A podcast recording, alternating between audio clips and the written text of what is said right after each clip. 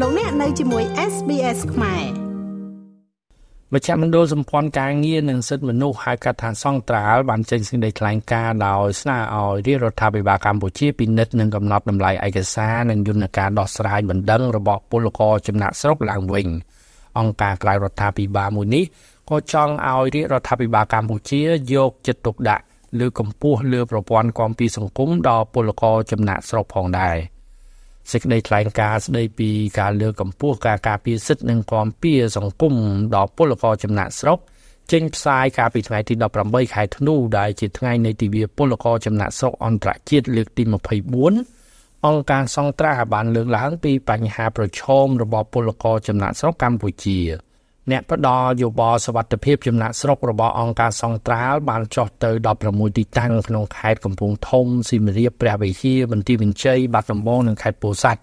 ដើម្បីបញ្ជ្រាបចំណេះដឹងពីបញ្ហាប្រឈមពីការចំណាក់ស្រុកនិងប្រមូលមតិឆ្លើយឆ្លងពីអ្នកចូលរួមប្រមាណ20000នាក់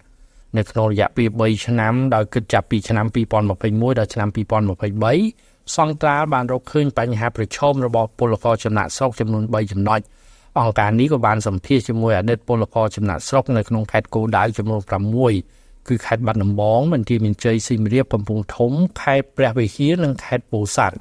ដោយមើលឃើញបញ្ហាទាំងនេះសង្ត្រាល់បានស្នើទៅរាជរដ្ឋាភិបាលកម្ពុជាជាពិសេសក្រសួងការងារនិងបណ្ដុំដារវិជ្ជាជីវៈនិងភាគីពាក់ព័ន្ធក្នុងការពិនិត្យកែសម្រួលលិខិតបទដ្ឋានគតិយុត្តដែលមានស្រាប់ឬក៏បង្កើតគោលនយោបាយនៅត្រួតពិនិត្យការអនុវត្តដើម្បីឆ្លើយតបទៅនឹងបញ្ហាប្រឈមទាំងនេះ។ រដ្ឋក៏គួរតែកំណត់តម្លៃនិងពេលវេលាជាក់លាក់ចំពោះការធ្វើឯកសារផ្សេងផ្សេងរួមមានលិខិតឆ្លងដែនបានពលករ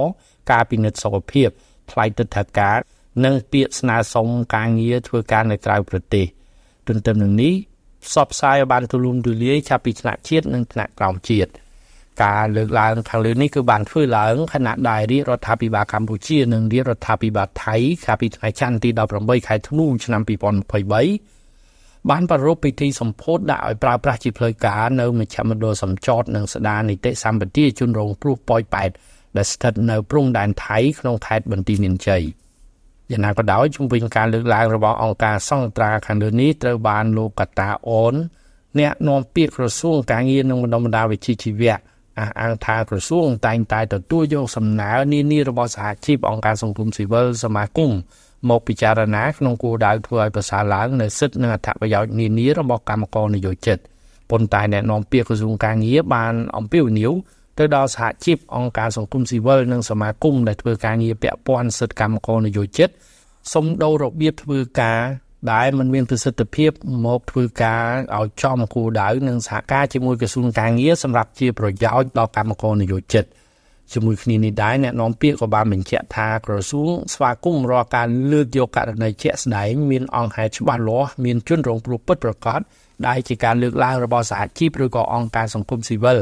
មកដាក់លើតុដើម្បីជជែករកការពិតនិងដោះស្រាយជាជាងធ្វើសកម្មភាពសម្រាប់តែការសរសេររបាយការណ៍តែមិនស្វែងរកដំណោះស្រាយដល់កម្មករនយោជិត